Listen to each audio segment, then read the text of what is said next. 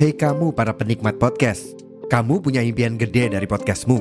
Tools di First Story bisa banget bantu kamu. Mulai dari F-Link, Dynamic Audio Insertion, sampai statistik yang komprehensif, semua ada di First Story. Gak ketinggalan, kamu bisa monetisasi podcastmu lewat iklan dari First Story Ads yang bisa kasih kamu penghasilan dari setiap place podcastmu. Yuk gabung sekarang dengan klik di firststory.me. Sekali lagi, di firststory.me. Mari kita bawa mimpi podcastingmu menjadi kenyataan.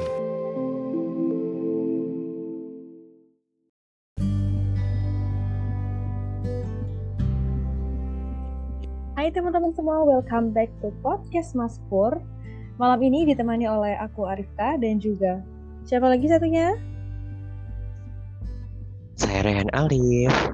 Nah, dan jadi Rifka, aku dan juga Rehan malam ini nggak malam sih. Siapa siapa tahu kalian dengerinnya nggak malam ya, siang pagi terserah. Nah, kita di episode kali ini mau ngomongin tentang cuci-cuci, hmm, cuci-cuci atau laundry, tapi kita ngomongin baju, kita ngomongin tentang uang. It's all about money, baby. Jadi kita mau ngomongin tentang bisnis money laundry itu apa sih?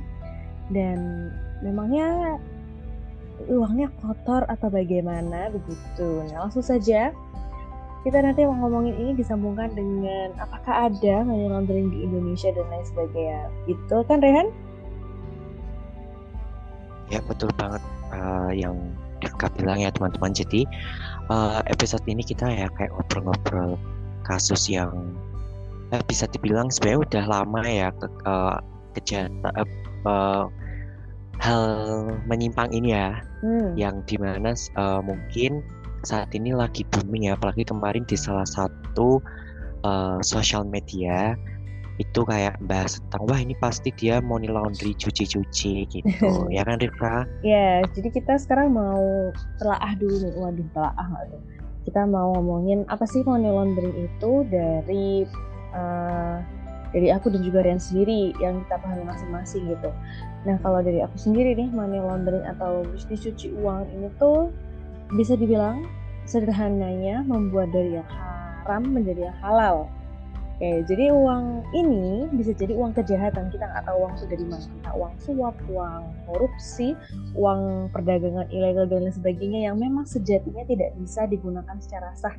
Karena kan pasti kan ketrek kan, karena masa tiba-tiba orang yeah. punya uang berapa puluh miliar gitu kan. Nah, perlulah si bisnis cuci cuci ini untuk mencuci si yang tadi haram itu tadi menjadi uang halal yang bisa digunakan. Caranya dengan banyak cara. Kalau setahu aku, uang money laundering ini paling mudah itu kalau menggunakan yayasan. Jadi kan kalau yayasan kan orang donasi, ya kan? Kan donasi nggak bisa diba nggak bisa dibatasi lain sebagainya siapa donaturnya begitu. Jadi ketika dia masuk ke rekeningnya si hmm, yang punya yayasan itu kan menjadi uang halal karena itu uang donasi, ya, seperti itu. Ada juga yang bisnis ntar bisnis um, kalau orang Indonesia sih udah tahu sih maksudnya kayak bisnis yang ini kan bisnis sepi deh uh, toko A ini sepi deh tapi kenapa masih jalan terus nah bisa di ada yang bilang gitu adalah satu menyebutkan um, itulah bisnis brand ini gitu. Mereka bilang di tempatku tuh aku hampir setiap lewat gak ada orang yang mampir dan sebagainya dengan toko yang sebesar itu masa dia nggak rugi bertahun-tahun? Gitu. Terus mulai tuh warganet selalu bilang ah itu bisnis cuci-cuci dia hanya butuh bisnis itu buat jalan agar si uangnya bisa dihalalkan. Kalau dari Rehan sendiri Han yang menurutmu itu money laundering itu apa? Oh ya, Oke, kalau dari aku sih sebenarnya hampir mirip kayak punya kayak teman-teman listener.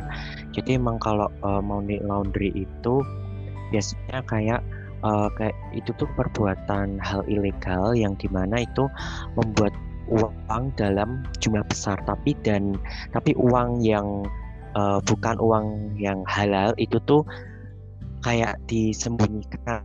Jadi kayak nggak ngetarani gitu. Jadi ya kayak yang Rifka bilang tadi jadi melalui uh, bentuk-bentuk bisa kayak melalui yayasan ataupun kalau yang sering kalau dari aku pribadi yang sering lihat itu biasanya dari bisnis ya mudahnya kayak ya mungkin dari teman-teman yang uh, apa ya kalau pernah lihat di salah satu sosmed itu uh, ada kayak bisnis yang tapi nggak tahu ya itu apakah benar money laundry atau enggak gitu hmm. jadi emang biasanya kalau money laundry itu kalau gampangnya kayak pencucian uang ya yang biasa oknum dari satu oknum yang dia lakukan untuk mendapatkan suatu uang tapi dari kelihatan uh, kurang hal jadi itu biar terlihat lebih uh, kayak seakan-akan hal gitu jadi melalui hal-hal yang uh, gimana caranya biar itu biar bisa terlihat hal satunya bisa melalui bisnis atau kayak yayasan tadi gitu sih teman-teman. Hmm, okay. Jadi emang uh, banyak cara ya, kayak sebenarnya orang melakukan money laundering uh, sendiri itu tergantung dia caranya, cara menutupinya tuh gimana biar nggak terlihat kalau dia tuh sebenarnya itu melakukan cuci uang biar mendapatkan hasil uang yang lebih banyak ya kan. Hmm, jadi um, apa namanya? Kalau aku bisa bilang menurutku tuh perputaran uangnya nggak wajar gitu loh. Jadi kan yeah. yang ramai sekarang mungkin nggak ramai sekarang ya hanya. Tapi beberapa kali pernah jadi perbincangan itu yang sekarang yang sedang digadang-gadang yang baru hype itu adalah skincare. Ya semua orang punya bisnis skincare dan lain sebagainya gitu kan Rehan yes. Kita nggak ngomong merek skincare ya, sih cuman soalnya karena cuma sekarang baru hype banget sih orang bikin skincare A B C D nggak tahu formulanya apa gitu. Iya. Mungkin karena skincare juga merupakan sekarang kan skincare udah jadi eh, sebentar. Kan skincare udah jadi kayak kebutuhan ya kayak jadi kayak udah jadi sandang ya eh sandang. Oh, sandang. Kayak kebutuhannya uh, masyarakat kan hmm. bukan jadi hal yang keinginan lagi kebutuhan mungkin. Uh, salah satunya bisnis uh, skincare ya. Yang bahkan yang kemarin sempat viral yang sempat di oleh netizen kan skincare. Yeah. wah ini pasti. Dari karena emang kayak gimana ya emang kan skincare itu bias skincare itu kan biasanya kayak orang bisnis skincare uh, ya jadi tadi bisnis skincare itu menurut kalian sudah masuk menjadi kebutuhan primer ya, apalagi teenager dan mbak-mbak begitu. Dan juga mas-mas pun juga butuh skincare. Terus gimana menurutmu? Lanjut. Iya betul banget. Iya emang skincare emang udah jadi kebutuhan semua gender ya. Jadi baik laki-laki maupun perempuan.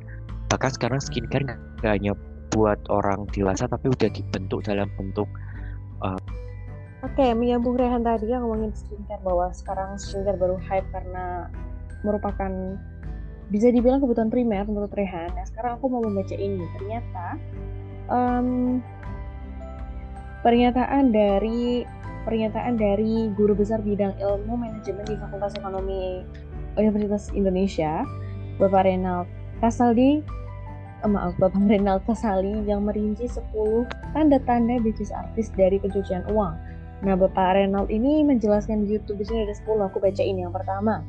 Bisa jadi satu bisnis itu diindikasikan sebagai money laundering if tiba-tiba usahanya jadi sangat besar terutama di waktu yang sangat pendek rentangnya. Nah, artis yang punya bisnis besar kata Pak Renald ya, jadi pencucian uang bisa secara instan memiliki usaha besar sehingga menyedot perhatian yang pertama itu. Yang kedua adalah easy money. Easy money ini tuh kayak seakan uangnya itu never ending gitu. Turun dari langit, segepok, berapa gepok dan lain sebagainya. Jadi kan kalau seumpama orang kan berpikir kalau orang mau mendirikan usaha itu kan biasanya meminjam uang dalam jumlah besar dan itu prosesnya lama ya di, dilihat dan sebagainya. Terus habis itu uh, kalau easy money itu sangat mudah ini juga Pak Enel aku jelaskan yang penting heboh dan bisnisnya cepat karena tujuannya adalah untuk tempat titipan uang orangnya yang mendapatkan easy money berharta glamor seperti beli Ferrari atas nama orang lain kayak gitu. Terus yang ketiga, mereka selalu punya alibi. Jadi alibinya adalah uang yang mereka dapatkan itu adalah hasil dari usaha yang dijalani. Terus habis itu ada mereka itu bukan bangun usaha tapi bangun new empire atau meninggalkan bisnis yang sebelumnya dijalankan jadi kayak start from zero tapi bener-bener menghasilkan kayak uangnya turun dari langit nggak habis-habis gitu. Terus tidak menjelaskan dari mana modalnya mereka selalu bilang bahwa modalnya dari warisan. Satu-satu satunya itu modalnya dari warisan. Terus habis itu ada sosok tersembunyi di belakang mereka. Jadi um, we don't know who's the director gitu di belakang mereka. Jadi yang ditampilkan hanya mereka yang sedang bakar-bakar uang itu. Terus ada yang ketujuh yaitu bisnis tumbuh tapi enggak punya keahlian. Jadi they yang menjalankan bisnis cuman tahu ngomong aja kalau kita Pak Renal si artis ini taunya hanya bicara di publik saja tanpa tahu dan menjelaskan gimana bisnisnya bisa berjalan sebesar itu dalam waktu yang singkat. Terus mereka dikelilingi oleh media komunikasi atau mereka sering ngevlog atau merekam kegiatannya bla bla bla bla bla sehingga um, sudah kerjasama dengan medianya begitu. Terus mereka terlihat generous, si artis terlihat senang bagi-bagi uang dan itu tadi kembali lagi easy money. Dari mana pun kayak uangnya turun nggak bisa habis. Yang terakhir adalah tiba-tiba bermasalah Pak Reno menjelaskan bahwa di perusahaan yang didirikan dari bisnis cuci uang biasanya ada masalah mulai dari karyawan yang terlibat pembunuhan, narkoba, sexual harassment, dan tindakan kriminal lainnya. Jadi ini jadi sebab ini adalah orang-orang titipan dari orang tua yang punya tadi dan orang yang punya duit ini cenderung enggak menaruh perhatian untuk bentuk values ke anak-anaknya. Jadi ya bisa kita simpulkan ya mungkin teman-teman bisa menduga oh ternyata nih cuci-cuci nih kalau dilihat dia itu Pak Renal tadi. Oke Rehan bagaimana kamu bisa bergabung kembali?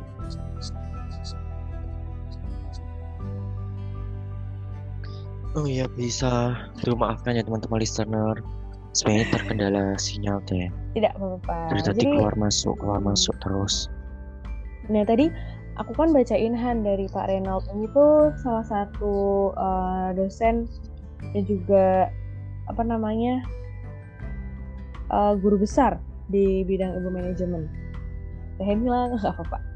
Oke lanjut. Jadi yang menurutku kan tadi aku jelasin ada yang kedua itu yang paling kelihatan itu yang pertama adalah tiba-tiba usahanya jadi sangat besar dan easy money. Easy money itu uangnya seakan-akan nggak pernah habis gitu loh Han. Ada terus ngambil segepok 100 juta apa bagi-bagi ke karyawan bagi-bagi ke sana sini. Uangnya nggak pernah habis gitu. Menurutmu gimana tuh? Kamu pernah melihat ada konten seperti itu kan aku sih pernah. Kalau Ren gimana? Ya kalau ya kalau aku sih pernah sih pernah lihat kayak gitu. Cuman kan kita uh, dari aku pribadi ya sebenarnya aku nggak mau chat orang itu apakah melakukan hal tersebut atau emang mereka merintis dari awal. Makanya kan perlu banget ketika kita melihat di TikTok eh maaf di salah satu sosial media itu yang uh, usahanya besar terus uangnya nggak bisa habis kayak yang tadi dijelaskan Pak Rinal sama yang kamu bacakan tadi. Hmm. itu kita perlu menelusuri lagi apa jadi kita lihat dulu orangnya itu kayak beneran oh beneran dia usaha dari nol. Tapi kalau emang kok tiba-tiba uh, ya aku lanjut ya. Maksudnya kan kalau kita kan kita juga harus perlu menelusuri gitu loh kalau dari aku hmm. sendiri ya. Karena emang kadang itu kok uh, kadang itu uh, ketika kita mengkonsumsi suatu media sosial tuh kita juga harus tahu. Jadi tidak hanya asal kayak nyaring cek gitu. Jadi kan ada dua ya ada dua jenis informasi kalau dari aku. Yang pertama oh apakah ini berita yang benar? Langsung aku tangkap atau memang kita perlu? Kedua itu oh apakah ini perlu kita saring kembali gitu loh. Jadi emang kita uh, harus pintar-pintar untuk mengkonsumsi satu media gitu loh. Jadi emang sebenarnya kalau dibilang money laundry atau enggak itu emang agak susah ya Rif. Karena kan gimana ya? Kita cuma uh, bisa menduganya aja kan ya. kadang kita eh, nggak uh, tahu. Jadi emang kalau dari aku pribadi emang harus lagi sih untuk apakah memang uh, orang tersebut melakukan kegiatan seperti itu atau memang bukan gitu. Baik-baik. Tapi memang kalau dibeberkan yang tadi tes, gitu yang oh, ya. bakal habis dan bisnisnya naik dengan cepat itu aku sudah bisa menduga kita kayak satu pikiran ya Han ya ada di satu Nah, ada di satu bisnis yang kita sebelum kita sudah bicarakan seperti nggak bisa ngomong di sini nanti jatuhnya fitnah nah seperti itulah menurutku yang sangat cocok sekali dengan penjelasan guru besar ilmu ekonomi tadi Bapak Renal bahwa bisnis itu tuh memang kayaknya memang diindikasikan dia dan ternyata nggak cuma aku sama Rehan yang merasa banyak warganet yang bilang bahwa hmm, kayaknya ini bisnis cuci-cuci deh gitu dan lain sebagainya. Nah sebetulnya kalau kita ngomongin cuci-cuci ini itu kan banyak intrik tipu muslihat dan kepalsuan ya di antara itu. Dan tadi kan kita ngomongin ada di platform TikTok di mana dulu uh, menga ada ini ya Han ya ada ada ini apa namanya? Ya Ri. ada oke aku sudah gabung. Jadi kalau di TikTok ini kan dulu sempat ada live ya bisa live di TikTok. Terus bisa kita lihat ada berbagai macam artis live di situ. Terus setelah itu apa namanya um, bagaimana gitu loh kok bisa sampai profitnya miliaran satu miliar dan lain sebagainya. Itu kan besar sekali dalam satu live berapa jam gitu. Nah menurutmu um, aku tuh dapat satu ini ya Han. Dapat satu tweet yang um, menurutku cukup valid karena dia menyertakan screenshot juga di mana dia itu diminta sebagai fake buyer atau pembeli palsu. Pernah dengar nggak Han kamu tentang fake buyer? Oh kalau fake buyer aku belum pernah dengar. Seri ya? malahan. Fake buyer Uh, itu pembeli tuh palsu. Mungkin Hmm, mungkin kalau palsu. tahu Menurutmu gimana tuh? Fake buyer itu? Nah, kalau buyer dari aku pribadi sebenarnya belum terlalu tahu ya. Mungkin mungkin yang dimaksud fake buyer apakah karyawannya suruh beli atau gimana gitu. Jadi kayak bentuk ya udahlah karena belum ada yang beli mungkin yuk karyawan bantu untuk membeli jadi seakan-akan dia sebagai pembeli mungkin ya tapi kalau fake buyer yang dimaksud seperti apa jelasnya seperti apa emang dari aku pribadi belum tak belum memahami secara pastinya tuh Hmm, gitu. Ataukah Oke. mungkin fake bayarnya dari sisi timnya mereka, yuk beli yuk beli aja yuk jadi kayak bentuk dari apa ya kayak biar meningkatkan produknya atau gimana membantu dari usahanya dia atau gimana gitu aku belum tahu itu mungkin dari sisi itu mungkin salah ya tapi kalau dari segi fake bayar yang hal kurang baiknya aku uh, belum mau belum tahu sih kalau dari kamu gimana Rip? Itu kalau dari aku pribadi Hmm, sih. Oke, aku pernah melihat kalau uh, di tweet ya ada satu yang mengaku bahwa dia itu adalah fake buyer atau diminta jadi pembeli pura-pura. Nah, terus ada juga yang bikin bikin apa namanya bikin uh, konten di TikTok bentar namanya siapa ya ini? Namanya tidak ada namanya. Ini mas mas pakai kacamata. Aduh mas namanya siapa ya? Sorry.